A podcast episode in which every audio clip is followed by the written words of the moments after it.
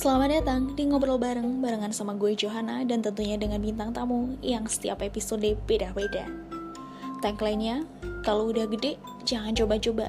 Makanya, mending ngobrol aja, biar belajar dari yang udah pernah aja. Terima kasih buat Iren yang sudah mau hadir menjadi bintang tamu kita hari ini. Bentar, kita benerin Mhm. dulu. Nah, eh, kali ini dengan kekepoanku yang lain, aku sangat kepo dengan kamu, iya, kamu dan dunia kerja kamu sekarang. Nah, sebelumnya nih, mungkin netizen tuh harusnya tahu ya siapa kamu gitu. Nah, Iren ini adalah salah satu kamu sekarang jadi apa sih Ren? Mending kamu aja deh yang jawab sekalian deh. Kamu sebagai apa dan sekarang di mana? Oke, Eh, perkenalan dulu lah ya, biar Iya. afdol gitu ya. Katanya nggak kenal nggak sayang kan? Jadi kenalan dulu biar Betul. sayang. Oke, Eh, jadi guys, asik guys ya. Nama aku Iren Natania, biasa dipanggil Iren. Sekarang umurnya 20, mau 23 dan Mhm. baru saja berstatus single. Jadi, eh, oh, Eh, mohon maaf nih. promosi. Eh, mohon maaf promosi. nih Ren. Gak apa-apa. Kenapa Katanya baru aja? Promosi apa aja gitu. Bener banget, termasuk diri Anda. BTW, ke- kenapa baru aja ya? Habis ini kayaknya kita perlu pindah ke room sebelah. Dilanjutkan. intern ya kalau itu Iya, ya. Oke, benar. nah jadi uh, malam ini aku diundang nih untuk uh, membahas tentang mendengar tanpa suara gitu, di mana itu berkaitan sama tempat kerjaku. Nah, jadi buat teman-teman yang uh, pernah dengar atau belum pernah dengar sama sekali, jadi aku tuh kerja di tempat uh, media, media online, Mhm. tapi khusus untuk disabilitas, khususnya teman-teman tuli. Gitu. Jadi eh aku bekerja sama, sam- sekarang ya, Mhm. sekarang udah satu setengah tahun Wow. itu kerja sama ntar aku hitung dulu dua dua lima sembilan orang Mhm. satu divisi itu sembilan orang udah termasuk sama atasannya ya Mhm. maksudnya kepala divisinya dan semuanya ini tuli Oh, wow. gitu sampai ke ke atasan aku itu Mhm. tuli jadi yang yang eh, teman dengar maksudnya non disabilitas itu awalnya cuman aku Mhm. Cuman bulan kemarin itu ketambahan ada satu orang eh, tambah tadinya dia anak magang kita, tapi terus lanjut gitu karena dia bisa bantu. Jadi sekarang ada dua orang yang nggak tuli. Nah Mhm. selama satu tahun lebih itu aku sendiri nih single jadi eh, teman dengar gitu di Hmm. satu divisi itu kayak gitu. Jadi eh, nanti kita akan bahas nih lebih lengkapnya gimana sih rasanya kerja di situ gitu. Nah posisi aku di situ sebenarnya awalnya itu aku apply-nya jadi marketing, Oke. marketing communication karena kan aku lulusan PR juga, lulusan uh, ilmu komunikasi jadi ya cari yang sejalan lah ya gitu. Tapi uh, setelah terjun, nah ini pesan juga nih buat teman-teman yang masih kuliah gitu, maksudnya kayak dunia kerja itu tidak se mulus yang kalian bayangkan gitu loh.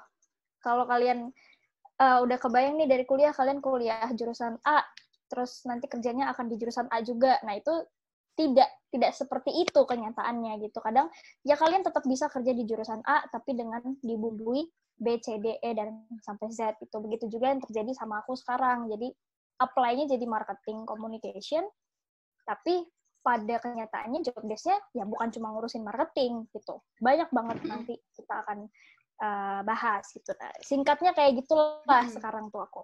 Berarti kamu sekarang ini markom ya di media Betul. yang sekarang eh nah, kebetulan nih belum disebut nih. Media kamu namanya Oh apa? iya, Ren? medianya namanya Kami Bijak. Mhm. Teman-teman bisa search kalau nanti kepo, setelah dengerin ini mungkin jadi kepo sama medianya bisa search. Namanya Kami Bijak, Instagramnya Kami Bijak ID. Wah, Hmm, tuh. Oke, Ada kita ada di Instagram, di YouTube Mm-mm. juga tuh ada. semua namanya sama kami bijak ya. Sama. Nah, Kami Bijak itu singkatan dari Mhm. Kami Berbahasa Isyarat Jakarta. Gitu. Oke, jadi emang eh, masih di Jakarta aja gitu ya, masuk Mm-mm. medianya belum keluar. Oke, ini sebenarnya sebelum kamu join, ini medianya tuh ada tahun berapa sih, Ren? Dia itu baru nanti bulan September ini baru dua tahun. Oh wow, baru ya sebenarnya ya. Jadi dia tuh sebenarnya dia media media group. Mm-mm. Uh, ada namanya sa- uh, satu uh, PT namanya Merah Putih Media. Nah, Merah Putih Media ini memang dia di dalamnya tuh punya banyak media gitu. Kalau Merah Putihnya sendiri yaitu kayak media umum lah, media mainstream yang tentang berita-berita gitu kayak media sebelah gitu yang sering kita tahu. Eh gitu-gitulah. Yeah, okay. Terus ada dia ada di otomotif juga, ada khusus media kawasan, ada uh, sport, olahraga. Nah, anak bungsunya ini yang kelima ini ya si kami bijak ini gitu dan dia baru berdiri September 2018 berarti ya. Berita Pokoknya aku hmm. masuk Desember itu, aku masuk Desember dia pokoknya dia berdiri September, nah Desembernya itu aku join. Jadi Oke. benar-benar masih baru banget gitu Mm-mm. kayak newbie banget. Terus berita yang diangkat, maksudnya itu kan media kan ya. Apa yang biasanya Hmm. diulik di media itu, Ren? Nah, sebenarnya kita tujuannya mendirikan kami bijak ini karena tuh ini sedikit sharing ya gitu. Mhm. Mungkin ada nanti teman-teman dari yang kerja di TV atau Mhm. di mana yang dengerin ini. Jadi teman-teman tuli itu ada kesulitan ketika mereka nonton TV. Oke. Kita kan nonton TV bisa dengar suara ya. Sedangkan kalau Oke. mereka tuh kan nggak bisa. Hmm. Dan nggak Hmm. semuanya itu ada akses JBI yang biasanya kecil di ujung gitu. Oh, yang bawah. sekarang ada ini ya. Nah, yang sekarang udah mulai ada gitu. Nah, berangkat dari eh, kesulitan itu, Mm-mm. makanya atasan aku ini kayak punya ide. Ya udah, ayo kita bikin media sendiri, kita bikin TV sendiri yang memang satu screen itu full pakai bahasa isyarat Oh, wow. gitu. Jadi eh, memang Indo- Indonesia juga ya sekarang ini sedang sangat marak mengangkat isu ya tentang SARA, Mhm. tentang eh, maksudnya hal-hal yang menjadi perbedaan itu sedang dibahas hot-hot Mm, banget gitu termasuk oke. disabilitas ini gitu Mhm.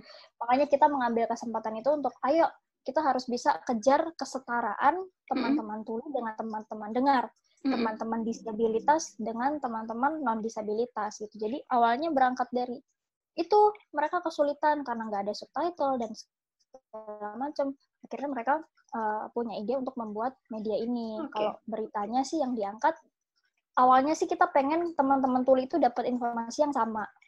Kayak kita lah orang-orang biasa Hmm. gini jadi kita dengar berita nih tentang corona oh mereka juga dengar tentang corona. Mereka kita dengar berita tentang pemilu mereka juga tahu berita tentang pemilu gitu. Tapi lama kelamaan maksudnya eh, kita memfokuskan untuk lebih mengangkat sisi disabilitasnya gitu. Jadi komposisinya itu 70% tentang eh, dunia disabilitas berita Hmm. tentang disabilitas 30 persennya berita umum Oke. gitu. Nih, 70% tentang berita disabilitas nih. Itu emang kayak Hmm. gimana sih, Ren, berita tentang disabilitas? Eh, tapi sebelumnya nih, aku kan belum tahu nih ya, karena saya sebelumnya Hmm. juga teman-teman yang mungkin eh, disabilitas dan sebagainya. Sebenarnya mereka lebih senang disebut disabilitas atau tunarungu, Ren? Nah, gini, eh kalau dari yang aku pelajari selama satu setengah Mhm. tahun ini aku kerja di sini ya, Mhm. jadi kan aku ya aku ketemu banyak teman-teman disabilitas gitu yang yang tadinya nggak pernah ketemu sama sekali Mhm. jadi sering ketemu gitu. Kayak contoh simpelnya ya kayak gitu eh tunarungu atau tuli. Iya. Mereka menganggap lebih sopan kalau tuli. Oh, really? Lebih, berarti Ya. sebenarnya lebih sopan kita manggil tuli ya? Mm-mm, makanya nyapanya bu- bukan teman tunarungu bukan, tapi teman tuli. Kenapa gitu, Ren? karena mereka itu kalau tunarungu itu tuna itu kan kayak apa ya nggak punya ya istilahnya nggak nggak lengkap gitu nggak sih Hmm, Oke, oke, oke. tuna daksa berarti kan nggak punya bagian tubuhnya Rumah. nggak Eh, lengkap atau bagian apa tubuh ya, bukan rumah tuna ya? itu tuna apa apa sih ya kalau nggak punya rumah tuh ya tuna wisma ya Oh iya, iya. ya ya kayak gitu bisa kayak gitu nah mereka menganggap mereka tidak bisa mendengar itu bukannya mereka nggak punya telinga Oke, Gitu loh. make sense. mereka hanya eh, maksudnya ya mereka nggak bisa dengar Mm-mm. dan itu bukan bukan kekurangan kan kalau mereka nggak bisa dengar bukan berarti mereka nggak bisa kerja Oke. mereka nggak bisa dengar bukan berarti mereka nggak bisa beraktivitas seperti biasa kayak Mhm. gitu jadi mereka lebih suka disebut teman tuli Mhm. daripada tunarungu karena anggapannya kalau tunarungu tuh kayak sesuatu yang rusak gitulah padahal mereka tuh Oke. nggak mereka nggak merasa ada kerusakan Oke, oke kita lanjut ke tadi ya. Soalnya 70% itu yang diangkat adalah berita-berita tentang disabilitas. Mm-mm. Itu emang bedanya kayak gimana sih? Dan apa yang ada di tengah berita disabilitas itu? Oke, jadi gini, isu-isu yang beredar di disabilitas itu eh, sejauh ini kalau di Indonesia sendiri ya, karena belum belum belum marak nih orang tuh paham tentang disabilitas, jadi masih banyak orang yang kadang kalau lihat disabilitas tuh takut gitu. Bukan takut sih, bingung mungkin ya. Kamu kalau ketemu teman tuli gimana coba? Pasti Iya reaksi sih. pertamanya, Iya. aduh gimana ya gitu loh. Iya, Kayak iya, iya. sebenarnya mereka nggak kenapa-napa, nah, Mm-mm. tapi isu itu yang yang bikin mereka tuh minder gitu. Sebenarnya apa yang terjadi di kita itu juga mereka rasain. Jadi misal mereka ketemu sama orang dengar nih. Sebenarnya kalau orangnya itu nggak nggak langsung kayak dengan tatapan yang aduh gimana ya ngomongnya? Gitu tuh mereka akan bisa interaksi gitu. Karena mereka juga banyak sharing sama aku gitu. Kamu mereka nanya kamu kalau ketemu orang tuli sebelum kamu kerja di sini gimana? Ya bingung sih maksudnya komunikasi gimana gitu.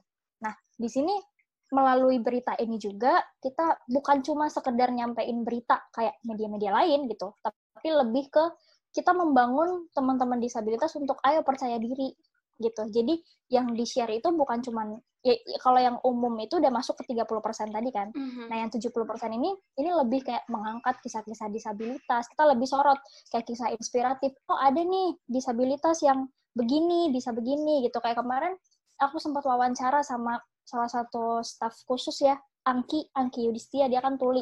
Nah, kita angkat tuh kalau oh ini nih ada teman tuli bisa bahkan dia bisa kerja jadi staf staf khusus, staf khusus Wow. presiden gitu loh.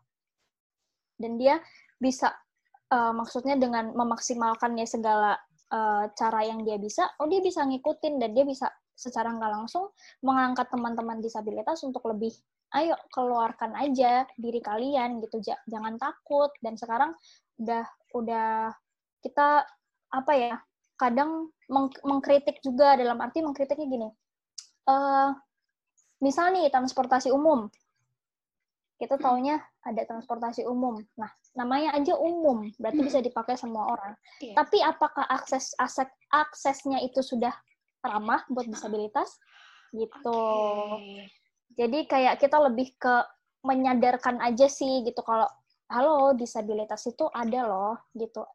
There exist. Nggak boleh nggak boleh kita terus langsung memandang ah lu kan di sini cuma sedikit apa gimana? Gitu. Enggak mereka tetap ya tetap ada dan mereka tetap bagian dari negara kita gitu. Kita nggak bisa mengabaikan itu gitu. Setuju sih. Nah, ini tadi Hmm. aku sebenarnya cukup merinding ketika kamu bilang kayak, oh dulu aku single and sekarang ada teman dua. Berarti Hmm. dari sebanyak sembilan orang itu dan katakanlah dulu waktu kamu sendiri Ren, kamu satu-satunya seorang yang katakanlah mampu untuk mendengar dan sedangkan teman-teman itu kan eh setahu aku ya teman-teman yang memang tu- eh, tuli itu tidak bisa berbicara kan. Ini Hmm. gimana cara kamu komunikasi? Bukan cuma mereka yang bertanya, sebenarnya aku juga tanya, gimana cara kamu berkomunikasi dan gimana sekarang gitu? oke awalnya shock sih pas hari pertama masuk kerja itu shock maksudnya aku biasa dengan lingkungan yang berisik Mm-mm. maksudnya aku juga orangnya bawel gitu kan Mm-mm.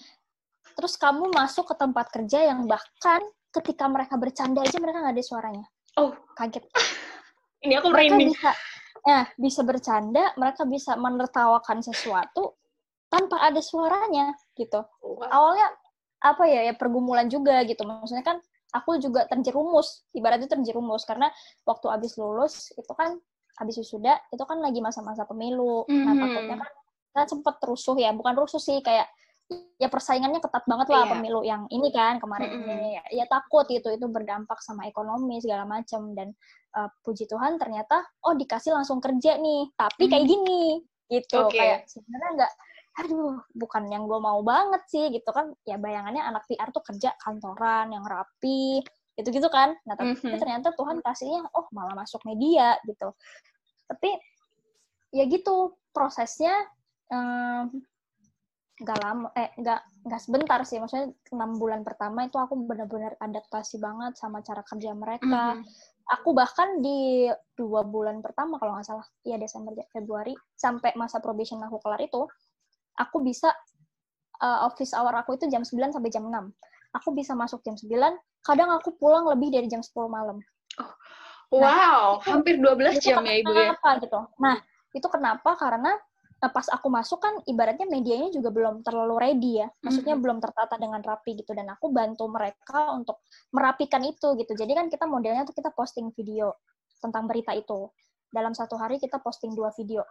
Tapi hebatnya tuh ya coba orang biasa aja misalnya kayak kamu gini ya kamu sama aku ngedit ngedit gitu kita sama-sama tahu ngedit lah atau Premiere gitu kita aja kadang ngerjain satu hari tuh susah gitu Iya, iya. satu hari kelar tuh susah gitu dan mereka mereka lakuin semuanya loh dari proses pilih beritanya Wow. bikin naskahnya, nulis konten, nulis artikel, syutingnya, dan ngeditnya itu mereka lakuin sendiri Wow. gitu. Banyak bahkan aku bisa Premiere itu percaya nggak percaya ya. Aku dulu gaptek banget masalah pereditan itu. Photoshop, pokoknya Adobe itu semua aku nggak bisa gitu. Tapi gara-gara aku belajar sama editor aku nih, yang Tuli ini, aku sekarang bisa pakai Premiere. Gimana kamu cara belajarnya, Ren? Maksudnya Nah, itu bener-bener mendengar tanpa suara kan? nih. Gitu.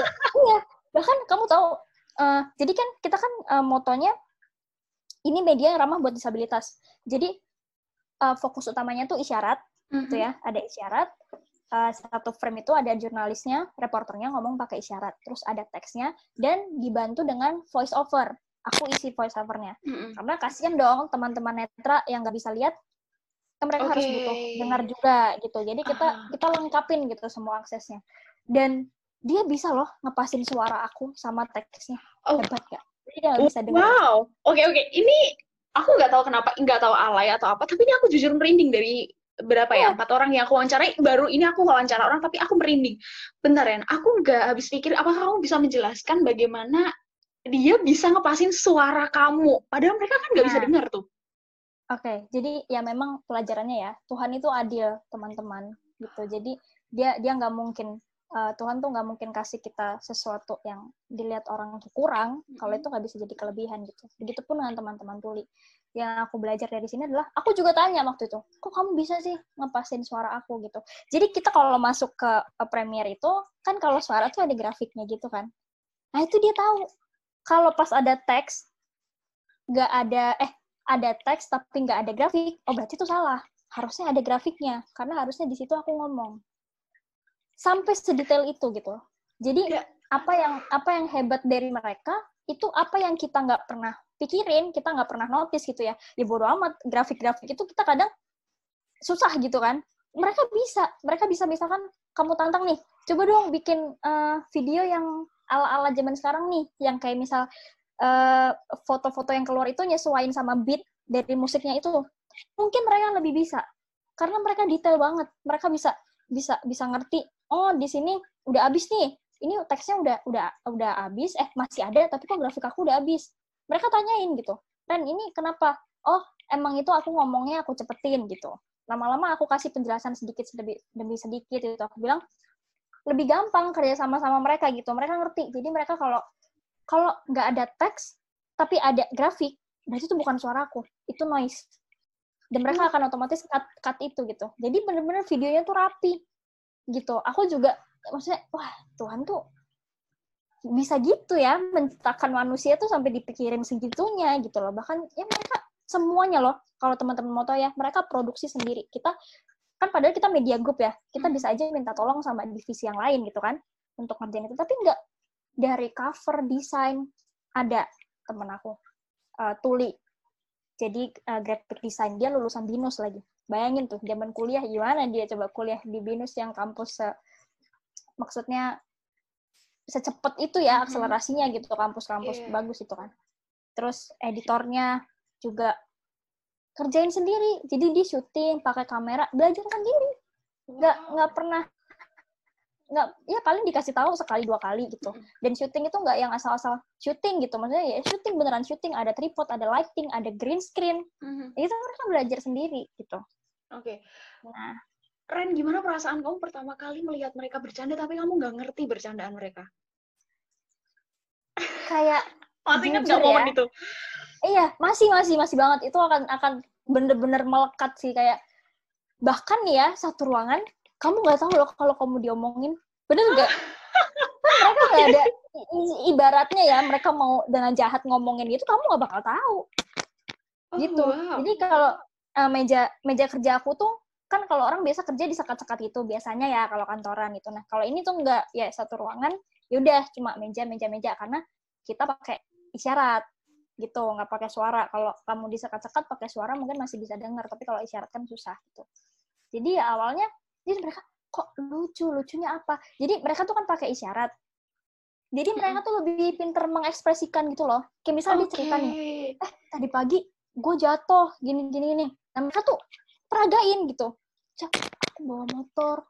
Terus tadi jatuh gitu. Terus kayak aduh sakit sakit. Jadi mereka tuh ekspresinya main gitu nah ternyata itu yang itu yang mungkin bisa lebih bikin ketawa gitu. Karena mereka baca ekspresi kan gitu. Dan dari situ aku juga ada keinginan ah gue pengen nimbrung dong pengen bercanda juga. Apalagi kan aku orangnya humoris ya. Maksudnya mm -hmm. aku juga pengen berbagi kerecehan gitu loh sama okay. mereka jadi ya mau nggak mau gitu dalam kan di pekerjaan juga perlu jadilah aku belajar juga bahasa isyarat jadi biar bisa bercanda sama mereka gitu gimana Ren proses belajar bahasa isyarat kan itu nggak mudah ya maksudnya kamu harus mempelajari mulai dari huruf A sampai dengan Z gitu kan itu gimana oh. Ren prosesnya jadi sebenarnya bahasa isyarat itu banyak banget jenisnya oh. dan wow. bahkan per masing-masing daerah itu tuh beda jadi oh. kita di Jakarta mm -mm. di Solo di Jogja mm -mm di Makassar itu beda semua hmm. bahasanya gitu. Sama kayak kayak kita punya bahasa daerah mereka juga punya bahasa daerah kayak gitu. Jadi tapi kalau yang umum itu tuh ada ada dua. Aduh aku lupa lagi namanya apa. Yang pertama namanya Bisindo yang -hmm. kedua namanya ASL kalau nggak salah. Atau -hmm. ASL tuh yang bahasa asing ya. Pokoknya dia ada dua, dua jenis. Nah tapi bedanya kalau Bisindo ini pure mereka yang bikin. Jadi mereka yang menciptakan sendiri gitu teman-teman tulis tapi ada satu jenis uh, bahasa isyarat yang itu dibikinin sama teman-teman dengar kayak kita teman-teman mm. non disabilitas gitu. Tapi mereka mereka sih lebih prefer kita untuk belajar yang bisindo ini karena ini memang bahasanya mereka kan gitu. Dan sebenarnya nggak susah kok teman-teman beneran nggak susah kalau kalian mau belajar. Ya memang kuncinya itu harus sering latihan sering ngobrol ngobrol langsung gitu. Karena sebenarnya itu bahasa kalian sehari-hari gitu. Makan makan gimana? Kita makan ya makan makan. Mereka ngerti hmm. kalau kalian nanti kasih uh, gestur yang eh aku mau makan gitu dengan gestur kita biasa memperagakan, mereka tuh ngerti gitu. Makanya ini pesan juga buat teman-teman kalau ketemu teman-teman tuli khususnya teman-teman tuli ya. So, kalau disabilitas lain kan kalian masih bisa komunikasi seperti biasa ya kan. Kalau tuli kan susah komunikasinya. Nah, kalau kalian ketemu teman-teman tuli, kalian tanya aja gitu. Eh, uh, aku mau ngomong ini nih bahasa isyaratnya gimana gitu. Mereka tuh nggak akan pelit untuk ngajarin gitu. Hmm. Aku bocorin ya. Jadi ada satu budaya. Misalnya aku sama kamu nih. Yeah. Sekarang kan lagi lagi ngobrol nih. Mm -hmm. kamu ada ada ini ya kita bareng gitu. Mm. Terus ada teman tuli juga. Terus kamu nanya nih, Eren, coba dong tanyain sama dia. Uh, aku pengen nanya dia lahir di mana gitu.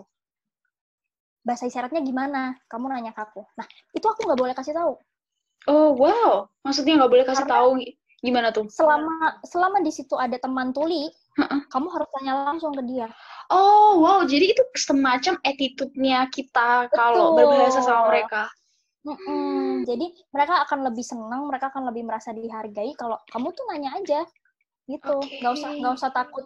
Aduh salah ngomong nih ntar apa nggak usah gitu. Kamu tanya aja pelan-pelan gitu. Mereka tuh bisa ada dua bahasanya. Maksudnya mereka bisa bahasa isyarat pakai tangan, ada yang juga oral oral tuh pakai gerak bibir nah kalau biasa orang yang nggak pernah ngomong sama orang tuli ya mereka pasti mereka pakai gerak bibir gitu tapi nanti mereka mau ajarin misalkan eh aku mau makan kamu pakai oral gitu nanti mereka akan kasih tahu oh makan dikasih tahu isyaratnya kayak gimana gitu. oh. gitu. jadi kamu bisa sambil belajar Oke oke, kita udah panjang lebar. Sebenarnya aku kepo gimana maksudnya kayak tadi kamu bilang aku sebenarnya nggak mau di situ kondisi seperti hmm. itu akhirnya kamu memutuskan untuk masukin CV kamu ke sana gitu hmm. kenapa Ren kenapa memilih ke sana apakah itu udah ada di pikiran apakah emang kamu tertarik coba-coba atau tiba-tiba ah, aku nggak tahu ternyata tempatnya kayak gini gitu gimana tuh melihat kayak dari ekspresi aku... kamu kayaknya oh, seru nih tadi kayak makanya aku bilang di awal aduh ada suara anjing aku lagi. Ya nggak apa-apa. Ya, itu, itu jadi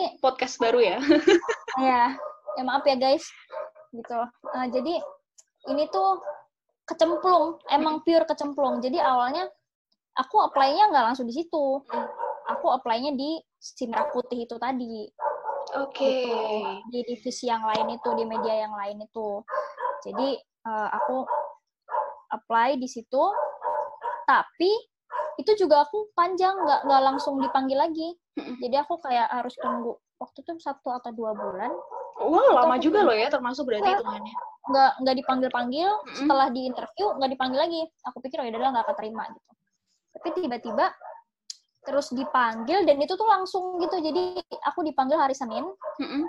Senin pagi aku ditelepon HRD kamu bisa nggak jam makan siang ke sini? Oh ya bisa kebetulan nggak jauh dari rumah. Mm-mm.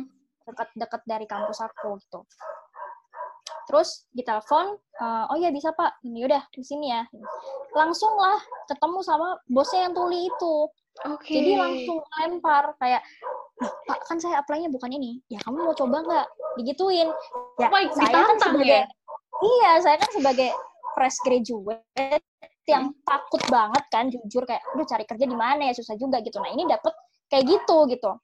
Jadilah langsung eh, ditantang Mm-mm. yaudah coba dulu gitu. Akhirnya udah ketemu sama bosnya ditanya lah bla bla bla interview kayak biasa gitu. Terus dia tanya kamu pernah ketemu disabilitas enggak enggak pak. Ada saudara? Enggak pak. Maksudnya saudara disabilitas? Enggak pak. Berarti kamu nol banget nih ya pengalaman disabilitas? Iya pak gitu. Itu yang nanyain HRD-nya, kan? langsung bos tulinya itu. Tapi pakai bahasa apa, Ren? dia bisa oral. Oh, dia bisa masih pakai oral. Jadi gini teman-teman tuli itu eh apa Ntar dulu heboh banget tuh anjing iya. nah udah Udah tuh, udah kamu, oh kamu ngomong gitu dia langsung diem loh, Ren.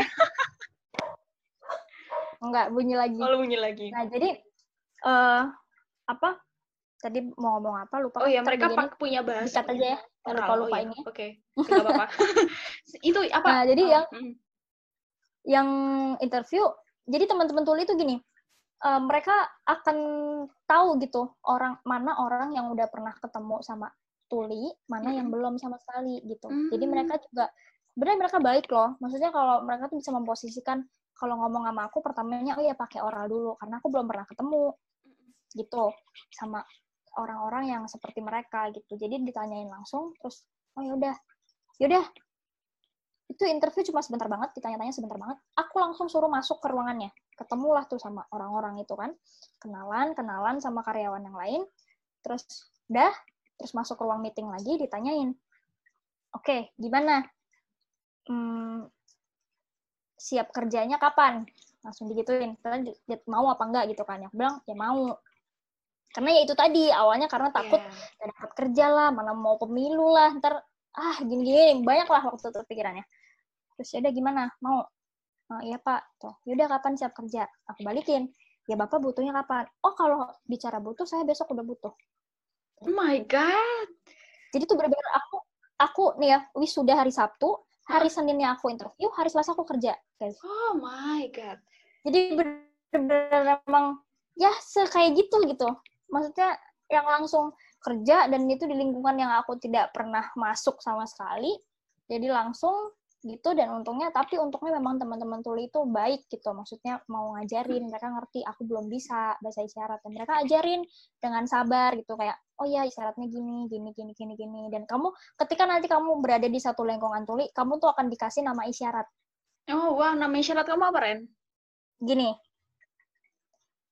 Kenapa? Kenapa karena ini gini? tuh gini tuh i Oh. i Iren kan namaku Iren. I terus kenapa gini? Karena poni aku gini. Gitu. Berarti Nah, kamu nggak bisa nama- ganti poni ya? iya itu. Jadi nama itu mereka mereka akan bikinin ya setelah mereka kenal kamu gitu. Kenal Hmm. paling enggak satu minggu dua minggu kamu bareng sama mereka kamu akan dibikinin itu gitu. Karena itu mempermudah manggilnya kan? Kalau kita kan manggil bisa nama eh Ren eh apa? Mereka kan nggak bisa jadi Iya, mereka kalau iya. manggil kayak eh, tolong tolong panggilin Iren itu Hmm, nah, oh Iren. Iren gitu tahu gitu Ren, eh, kamu cong banget kan? Maksudnya kayak, oh ya udah pak, saya mau gitu kan. Pas Hmm. ngomong ngomong itu, eh, kamu nggak ada perasaan kayak, oh Tuhan doa dulu lah atau apalah. Gimana tuh Ren? Takut aku tuh terbiasa apa ya kalau hal-hal yang kayak gitu tuh ngomong dulu baru mikir gitu loh. Dari dari SMA aja begitu gitu. Maksudnya masuk SMA dulu kan juga Hmm. salah kan. Maksudnya maunya tuh bukan itu gitu. Ternyata dikasih itu terus diiyain kagak tahu ke depannya gimana gitu. Sama kerja di sini juga ya udahlah karena ke- ketakutan itu tadi kan takut nggak dapat kerja takut nggak bisa bersaing dan segala macam segala macam. Makanya diambil lah padahal aku nggak tahu juga ke depannya bisa apa enggak gitu. Ya Mm-mm. perasaannya pasti awalnya takut Eh, takut sih kalau aku takut takutnya karena gini aku nggak pernah kerja sama disabilitas. Aku nggak ngerti Mm. cara aku cocok apa enggak kalau kita kerja sama orang yang sama kayak kita kan kita mau marah-marah kita mau bentak-bentak mau protes. Oke-oke aja kan bisa profesionalisme kerja gitu. It's okay nggak ada masalah. Tapi kamu berhubungan dengan disabilitas yang kita nggak tahu kita ngomong apa dia tersinggung nggak ya? Aku lebih ke situnya sih takutnya gitu. Aku Mm-mm. ngomong gini dia ngerti nggak ya? Kayak gitu. Perasaannya sih lebih takut kayak yang kayak gitu-gitunya banyak hal yang kamu pelajarin berarti Reni di sana. Apa yang maksudnya paling bener-bener apakah ada sesuatu yang berubah dari hidup kamu dengan kamu bekerja di sana? Karena kan itu spesial banget apalagi menurut Hmm. aku itu kayak God chose you, kayak Tuhan pilih kamu untuk ada di sana, seorang Iren sendiri ada di sana Oh, di tengah kondisi yang susah menurut aku gitu. Bahkan mungkin aku pun nggak bisa gitu di situ. Dampaknya apa pasti ada ya Hmm. ada dan banyak maksudnya ya yang paling penting yang paling bisa dilihat itu aku lebih menghargai sekarang Mhm. kalau ketemu disabilitas itu aku nggak maksudnya udah nggak ada rasa takut nggak ada apa gitu karena ya mereka sebenarnya sama aja sama kita sama-sama mau ngobrol sama-sama pengen kenal kayak gitu Mhm. dan yang dampak yang lebih itunya lagi aku sekarang jadi lebih mikirin gitu maksudnya kalau kalau bikin sesuatu ya entah bikin konten atau bikin apa oh subtitle itu perlu kayak gitu gitu dari hal-hal yang kecil-kecil kayak gitu gitu loh. Mereka tuh suka tuh kan mereka juga sama ya maksudnya nonton YouTube nonton vlog orang-orang tapi kadang gak ada teksnya kayak gitu gitu nggak ada subtitlenya. Ya sekarang kan YouTube untung udah ada eh, otomatis kayak gitu kan yang subtitle otomatis tapi itu kan bahasanya juga nggak terlalu pas ya kadang-kadang gitu. Jadi aku sih masih sekarang lebih bisa eh, toleransi karena aku pikir juga mereka juga pasti beragama gitu kan. Mhm. apalagi mereka juga perlu akses dong gitu. Mhm. dan sekarang belum semua tempat ibadah tuh ada akses untuk itu gitu. Padahal ya mereka sebenarnya butuh kayak gitu. Ada sih beberapa udah udah ada. Kayak aku juga pernah kerjasama sama eh, waktu itu di mana ya? Di acara kayak tem apa ya muslim gitu bikin festival gitu lah festival spesial apa hari Ramadan atau apa gitu aku lupa. Yaitu ternyata jemaahnya mereka itu ada yang tuli gitu. Makanya mereka bikinin festival itu terus undang kita. Oke. gitu. jadi ini bener-bener mengajarkan kalau aku pribadi sih lebih toleransi. Toleransi pasti. Terus jadi nggak apa ya nggak sombong gitu. Karena maksudnya ketika aku bergabung sama mereka gue nggak ada apa-apanya cuy gitu kelihatannya gue yang paling sempurna ya gitu kan. Tapi di situ aku nggak ada apa-apanya gitu loh.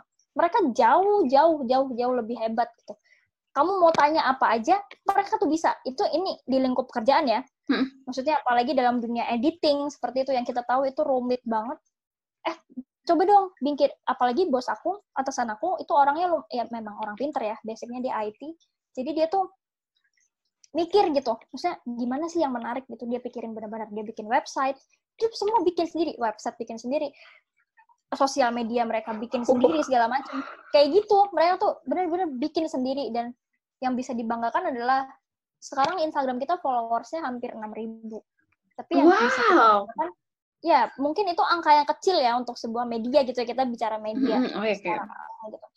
tapi itu pure kita nggak pernah beli Mhm. itu yang hebat gitu menurutku tuh kayak wah bisa ya mereka tuh bisa loh bikin bikin kayak gini yang banyak orang tertarik. Sekarang aku kalau jalan ke mall gitu ya aku sengaja. Sekarang kalau ke mall sama mereka gitu aku nggak mau ngomong pakai suara.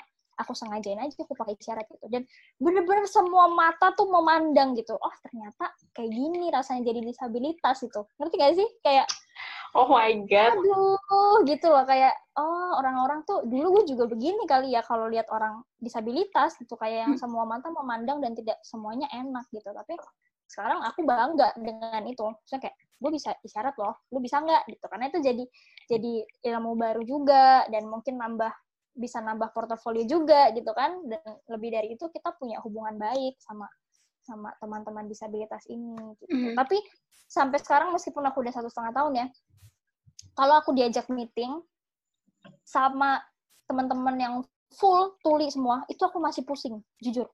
Pusing banget kamu kalau kamu pernah meeting bahas Mm-mm. sesuatu yang kayaknya crowded banget gitu ya, maksudnya pekerjaan yang susah banget. Ini susahnya nggak sebanding sama kamu lihat orang ngobrol pakai isyarat full nggak ada isyarat, nggak ada suara. Itu tuh gimana? Kamu cara nangkepnya mereka tuh gimana tuh, Ren? Ya ng- ngira-ngira aja. Oh my God. Kayak aku kan tahu beberapa gitu. Kayak oh isyaratnya aku tahu beberapa. Jadi aku sambung-sambungin aja. Oh ini ngomong gini, ini ngomong gini. Oh mereka mungkin lagi ngomongin McD kali ya. Mereka mungkin lagi ngomongin kemarin ada kecelakaan kali ya. Mereka mungkin lagi ngomongin presiden kali ya. Gitu. Jadi aku nggak bisa, belum bisa tangkep full. Lah ngomongin apa sih gitu loh. BTW ada loh teman-teman nih kalau teman-teman yang di daerah Jakarta ya. Hmm. Ada namanya coffee shop namanya Kopi Tuli. Itu Oh. kalian ke sana, kalau ke sana itu benar-benar kayak base teman-teman Tuli gitu loh. Jadi kalau kalian datang, ya kalian bisa langsung ngobrol gitu. Kalian beli beli kopi, nya pun di gelas itu tuh ada apa eh, abjad abjad gitu, abjad isyarat gitu. Jadi kalian bisa sekalian belajar di situ. Daerah Ya, Jakarta mana, Ren? Di Duren 3. Tapi nggak tahu sekarang buka Oke. apa enggak ya. Soalnya Oh iya, kan karena kemarin sempat kita sempat interview ya. Tapi nggak tahu sekarang udah buka apa belum. Jadi kalian bisa bisa aja cari Instagramnya namanya Kopto. Oke. Tuli. Nah, nanti ada. Kalau Oke kalian tertarik belajar gitu. Nah, sebelum menutup, eh, sebelum ke pertanyaan terakhir untuk menutup hari ini, eh, aku pengen tahu apakah kayak aku nih, semua aku pengen belajar, apakah ada media dari teman-teman eh, apa tadi tim kamu untuk bantu kita belajar atau ada kelas atau apa gitu nggak sih? Oke. Kalau untuk eh, akses belajarnya kita sih masih rencanakan. Hmm, Karena sebenarnya belajar bahasa isyarat itu udah ada lembaganya sendiri. oke. namanya Pusdisindo dan itu lembaga resmi eh, yang kamu bisa kalau kamu belajar dalam jangka waktu beberapa bulan kamu akan dapat sertifikat. Jadi kita kayak kursus gitu loh. Hmm, nah kita masih ya mungkin ada beberapa kendala lah ya. Untuk mencapai kita juga bisa ngajarin gitu. Jadi kalau itu sih kita masih pikirkan gimana caranya. Aku juga udah kepikiran gitu apa kita bikin satu kanal ya yang khusus untuk belajar gitu. Tapi masih masih dipikir-pikir lah sama atasan aku gitu karena itu udah ada lembaganya sendiri sebenarnya. Tapi kalau kalian bener-bener emang mau belajar banyak. Di YouTube itu udah banyak banget kayak tutorial belajar bahasa isyarat itu itu udah banyak. Jadi ya kalian bisa belajar dari situ. Kalau lebih ke media aku itu emang emang lebih fokus ke masih berita sih kayak Mhm. karena media kan ya kita Mhm. masih fokus untuk ya udah sebagaimana adanya media gitu tugasnya media tuh apa gitu Oke, nah ngomong-ngomong kan sekarang lagi COVID nih Ren. Tadi kayak akhirnya Hmm. kepikiran tentang COVID.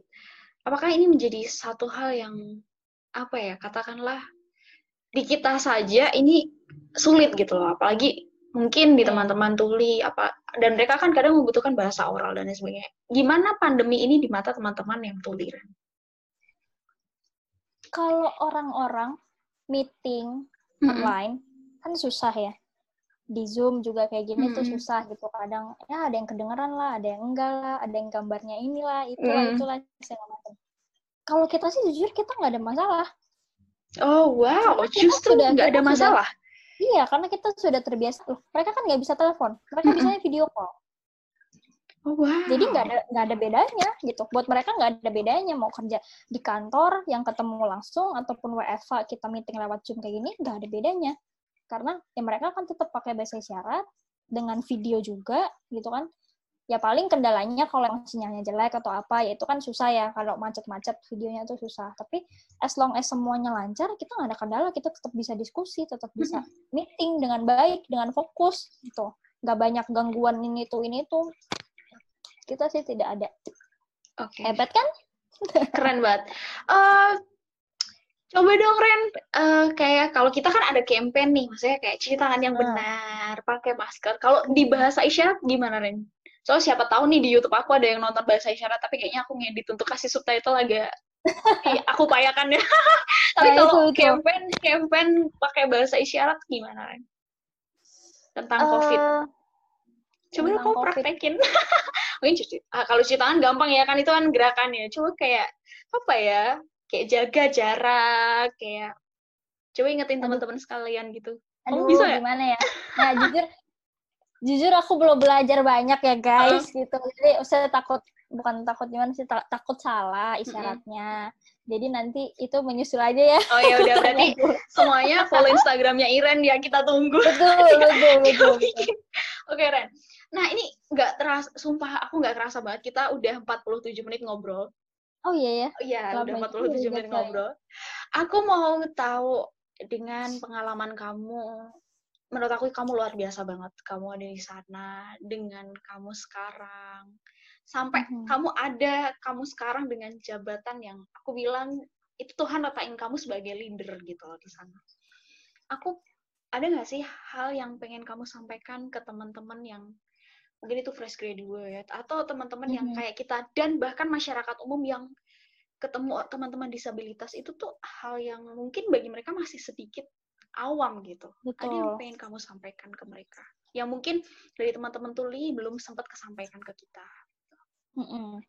pertama untuk yang fresh graduate dulu ya Mm-mm. ini kalau buat di dunia pekerjaan ya kalian gini kita kadang bingung kita harus kerja idealis atau apa satunya Realistis. Ya, realistis Mhm. idealis atau jujur aku adalah tipikal orang yang sangat eh, maksudnya dua hal itu tuh aku dominan semua gitu jadi aku aku maunya idealis tapi maunya realistis juga dan itu susah diwujudkan dalam beberapa hal gitu termasuk kayak yang ada di pikiran aku awalnya kerja idealis coy. Jadi PR yang kerja kantoran dengan pakaian rapi makeup setiap hari gitu gitulah yang pokoknya kerja di gedung yang bagus. Idealis gitu pikiran aku idealis. Tapi ternyata realitanya tidak semudah itu gitu. Dan kita nggak bisa bilang juga kalau eh, aku tidak mengunderestimate orang-orang yang kerja kantoran ya. Tapi kita nggak pernah tahu apakah orang-orang yang kerja kantoran itu juga sudah bekerja sesuai passionnya apa belum. Gitu. Apakah mereka ya cuman karena keadaan aja mereka kerja seperti itu ya daripada nggak ada kerjaan lain gitu kan? Karena aku awalnya juga gitu daripada gue nggak ada kerjaan lain ya gue kerja ini aja gitu. Tapi lama kelamaan ya memang semuanya tuh bener-bener harus realistis gitu. Begitu juga dengan para fresh graduate yang persaingannya tuh memang makin ketat gitu kan? Kalau bisa eh, kalian ciptakan peluang kalian sendirilah gitu. Jadi jangan jangan mikir eh, tempat pertama kalian kerja itu itu cuman sekedar coba-coba gitu. Enggak maksudnya kalian kalau udah eh, masuk ke salah satu ke satu tempat yang mungkin itu bukan kalian banget coba deh kalian tekunin dulu gitu. Pasti ada ada sesuatu yang bisa kalian ambil dari situ gitu. Dan kita nggak pernah tahu ke depannya apakah kalian orang orang cinta aja ya kalau kata bahasa Jawanya kan witing tresno jalaran soko kulino gitu. Semua tuh dari keterusan gitu kebiasaan. Kayak aku nggak bisa bahasa isyarat awalnya tapi lama-lama suka bahasa isyarat. Dan itu adalah salah satu yang aku banggakan dari diri aku saat ini gitu. Gue bisa bahasa isyarat. Kayak gitu. Hmm. yang mungkin orang-orang nggak bisa aku bisa gitu. Itu jadi kebanggaan. Nah begitu juga dengan kalian nanti ketika mencari pekerjaan jangan terus memandang aduh ini nggak ideal nih buat gue jangan kayak gitu gitu. Kalian bisa Tuhan tempatkan kalian di mana pun kalau kalian mutiara ya kalian mutiara. Nggak bakal berubah jadi sampah. Nggak mungkin gitu mau di, mau ditaruh di kolong jembatan ditaruh di dasar sungai yang paling dalam sekalipun kalau kalian mutiara kalian mutiara itu Hmm. juga karena aku bisa ngomong gini ya karena aku itu yang aku rasain gitu aku sangat idealis yang aku merasa wah gue kuliah udah mahal-mahal Hmm, belajar susah-susah masa sih kerjanya kayak gini doang kayak gini doang tuh dalam arti karena aku di sini bukan bukan yang gak ada kerjaan ya tapi kan kita baru merangkak gitu loh Mm-mm. medianya tuh baru berusaha untuk naik naik Mm. jadi memang belum belum kayak kantor-kantor yang media yang full yang udah banyak acara segala macam. Kita Mm. masih membangun itu. Tapi justru ketika aku ikut mereka dari nol kan aku jadi tahu kan prosesnya. Oh kayak gini ya kayak gini gitu. Jadi idealis boleh tapi realistis itu lebih penting gitu. Karena itu yang akan jangan sampai kerja cuman karena gengsi. Belum tentu orang-orang yang kantoran pakaiannya rapi-rapi duitnya lebih banyak dari kita yang pakaiannya biasa aja. Belum tentu gitu. Jadi kalian nggak usah jangan jangan sempit banget pikirannya lah. Kalian harus terbuka banyakin relasi banyakin kenalan karena itu akan membantu kalian gitu sebagai fresh graduate Mm-mm. pesannya untuk teman yang uh, jarang bertemu atau bahkan tidak pernah bertemu sama sekali dengan teman-teman disabilitas apa yang kalian rasakan ketika ketemu mereka itu sama sama apa yang mereka rasakan ketika ketemu kalian. Jadi kalau kalian ada perasaan takut mau nanya takut menyinggung takut uh, ngeliatinnya salah atau gimana itu sama. Mereka juga merasakan seperti itu. Mereka sebenarnya pengen pengen pengen ngobrol pengen ya biasa aja nyapa sama kalian. Kayak hai oh iya terima kasih maaf tolong segala macam. Itu tuh kalau bisa apa ya bahkan bukan cuma ke teman-teman disabilitas dalam lingkungan kalian pun biasakan ngomong apa-apa tuh pakai uh, maaf tolong terima kasih. Itu kan kita pernah baca ya itu kan adalah tiga kata. Tiga kata yang paling sakral gitu ibaratnya dalam kehidupan manusia gitu. Kalau kalian nggak bisa susah banget untuk ngucapin tiga kata ini ya sudah. Mungkin masyarakat akan menilai kalian tuh nggak sopan lah nggak ada attitude-nya lah segala macam kayak gitu. Jadi itu yang penting sih gitu. Jadi jangan jangan langsung uh, tatapannya tuh Hah, apa sih? Kayak gitu. Jangan jangan. Aduh takut nih takut nyinggung salah nggak ya ngomongnya? Nggak nggak usah nggak usah takut. Karena kalau kalian takut mereka jadi lebih takut gitu. Aku pernah digituin sama mereka gitu. Ya kamu aja takut nanya sama aku aku mau gimana? Aku yang ibaratnya posisinya uh, lebih ada kekurangan mau gimana gitu. Mm-hmm. yang normal aja takut gitu kan. Apalagi mereka gitu. Jadi ayo guys kita wujudkan. Mungkin ini satu hal kecil ya yang kita nggak tahu dampaknya nanti kapan akan terjadi dan sebagainya tapi kita juga pengen karena di luar negeri tuh udah ramah banget kalau kalian mau tahu ya udah bener-bener setara lah mana disabilitas mana enggak itu tuh udah sama aja sedangkan di Indonesia ini memang masih sangat kurang gitu kayak sesepele kamu tahu yang buat orang buta tuh yang kuning-kuning itu mm -mm. guiding guiding block itu mm -mm. di Indonesia tuh buatnya ngasal loh aku pernah ketemu Wow. Aku pernah bikin acara dengan salah satu uh, pihak itulah nggak usah aku sebutin. Mm -mm. Dia bikin acara, dia mau memperkenalkan bahwa fasilitas dia ini udah ramah disabilitas. Udah dong, aku undang tuh semua teman-teman. Ada yang tuli, ada yang netra, mm -hmm. ada yang dansa. Komplit deh semuanya, aku undang. Terus aku dapat komplain dari teman netra. Nah, kenapa komplain gitu? Iya, ini guiding blocknya salah. Jadi yang harusnya mereka itu tandanya tuh mereka berhenti, jalan terus. Oh, Kalian bayangin wow. kalau itu di jalan raya, bahaya nggak? Tapi iya sih, aku pernah dengar sih Ren tentang itu Ren. Gitu. Ternyata itu masih terjadi ya? Masih, bahkan itu di di salah satu fasilitas yang yang megah banget lah, yang uh, punya negara gitu ya. Jadi tuh kayak, oh gitu ya gitu. Iya, ini gading bloknya masa aku cuman sampai sini doang gitu. Ibaratnya sampai di uh, mau turun tangga doang lah di tangganya nggak ada terus gimana ngerti nggak? Kayak oh, iya, iya, iya sih? Gitu. Iya harusnya. Harusnya kan ini dikasih tahu bisa belok kiri atau belok kanan. Nah itu tuh kayak langsung berhenti. Udah abis gitu. Ya abis kalau kita mah yang biasa aja ya tetap bisa jalan kan. Tapi kalau mereka yang butuh itu dah udah habis. Nah, terus gue harus ke mana nih? Kanan apa kiri? Mereka nggak tahu. Ntar ke kanan mereka keserempet atau apa ke kiri. Kena apa nyebur got. Dan kita nggak tahu kan.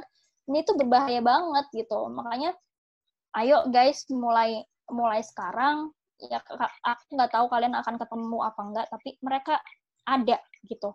Kalau lagi ngumpul tuh mereka sebenarnya banyak loh. Ya kayak kita aja kayak kita punya komunitas apa ya mereka juga punya gitu. Dan banyak orang-orang hebat yang yang kalau kalian tuh mau kenal kalian bisa belajar banyak. Dan kalian tuh belum ada apa-apanya beneran deh. Jangan gak usah sombong. Ah gue bisa ini gue lulusan ini gini gini gini. Hello. Di dunia kerja itu tidak terlalu terpakai gitu. Yang penting ya skill kamu, attitude kamu, skill aja nggak cukup gitu kan. Mm. Banyak di kantor aku orang-orang hebat yang bisa ini tuh itu, tapi attitude-nya nggak ada. Sedangkan teman-teman ini disabilitas yang mereka tahu mereka kekurangan, justru mereka lebih sopan. Itu yang kita perlu belajar nih sebagai manusia yang dikasih Tuhan kesempurnaan dalam segi fisik ya. Nggak usah sombong gitu. Kalian harus lebih belajar apa ya memposisikan diri kalian tuh masih kurang gitu. Jangan udah sempurna kalau udah sempurna kalian mentok nggak bisa lebih baik lagi. Tapi kalau di mereka yang merasa punya kekurangan mereka jadi tahu oh gue kurang nih jadi gue harus harus lebih belajar. Untungnya apa? Untungnya buat mereka sendiri mereka jadi hebat sekarang. Itu luar biasa Iren Thank you banget, nggak kerasa satu jam kita ngobrol. Tapi aku sebenarnya masih banyak banget. Mungkin next time kita okay. ketemu ngobrolin sesuatu dan cerita tentang media ini, di mana ada teman-teman uh, apa namanya tuli dan lain sebagainya. Tadi boleh di uh, sekali lagi kan media yang bisa kita follow di Instagram ada ada kalau di Instagram itu username-nya namanya kami bijak ID. Okay, kami Nanti bijak mungkin ID. aku share ke kamu ya screenshot-nya. Nanti aku Mungkin akan mm, di caption. Mm Thank you banget. Dan yang kepo-kepo tentang kami bijak bisa DM dan tanya Iren tentang di sana dan sebagainya. Atau mau ada yang mau kerjasama, kita open banget karena memang kita kan pengennya tuh uh, dikenal. Dikenal tuh hmm. dalam arti bukan yang bukan yang melulu tentang uang ya, untung gitu enggak. Tapi maksud aku, aku pengen kita semuanya tuh tahu ini ada teman-teman disabilitas, hmm. mereka juga juga maunya setara, dianggap setara sama kita dan kita sebagai orang-orang yang katanya keadilan sosial bagi seluruh rakyat Indonesia itu guys ya kita harus mm -hmm. mewujudkan itu gitu ayo kita setara semuanya adil semuanya dapat gitu okay. Amin. Nah, semoga uh, nggak tahu uh, bakal sampai mana uh, podcast ini dan sebagainya. Tapi intinya Iren, thank you banget share sharingnya ini sangat memberkati, membuka mata dan semoga beberapa teman-teman yang mungkin mendengarkan yang nggak tahu dari YouTube dan juga Spotify itu bisa terberkati dan terbuka matanya. Dan tentunya nggak sampai di kalian aja guys kalau kalian dengerin ini. Share ke teman-teman kalian karena menurut aku di podcast podcast yang lainnya sebelumnya aku nggak pernah ngajakin orang-orang buat share lah kamu denger ini. Tapi kali ini menurut aku share ini karena orang lain harus tahu orang lain harus dengar oh. dan kita semua harus terbuka matanya bahwa kita bukan manusia sempurna, kita tuh sama aja, cuma bedanya tipis-tipis aja. Jadi mari saling menghargai. Ya nggak, Ren? Thank you banget, Iren. Kalau kalian pengen berdampak buat Indonesia gitu ya, tapi kalian nggak tahu caranya, ya ini cara-cara kecil gitu. Emang bener-bener kita harus mulai dari yang kecil dulu, kayak gitu. Oke, okay, karena sepertinya uh, alarm kamu sudah memanggil juga. oh iya. Keburu noise lagi. Thank you, salam buat teman-teman kami bijak, teman-teman tuli di sana. Semoga suatu hari kita bisa ketemu, mungkin bisa ngobrol dan lain sebagainya. Thank you banget Iren dan untuk semuanya, thank you banget. Oh ya, mungkin boleh Ren ada saat ajarin aku kata terima kasih dong buat ngomong terima kasih ke kamu itu caranya gimana gimana? Terima kasih tuh gini. Terima kasih. Oh, Oke. Okay. Okay. aku coba. Oke. Okay. Gini terima ya. Oke. Okay. Aku mau ngucapin berarti ng sambil ngomong ya Terima kasih, Iren. Ya, terus kalau kamu ada terima kasih, kamu jawabnya sama-sama. Oh, oke. Okay. Sama-sama. Kita ulang ya. Sama-sama. Oke, okay. kita ulang ya, Ren. Terima kasih, Iren. Sama-sama. Oh my god, aku senang banget. Thank you Iren sekali lagi and see you di episode selanjutnya Iren dan semuanya. Thank you. See you guys. Bye.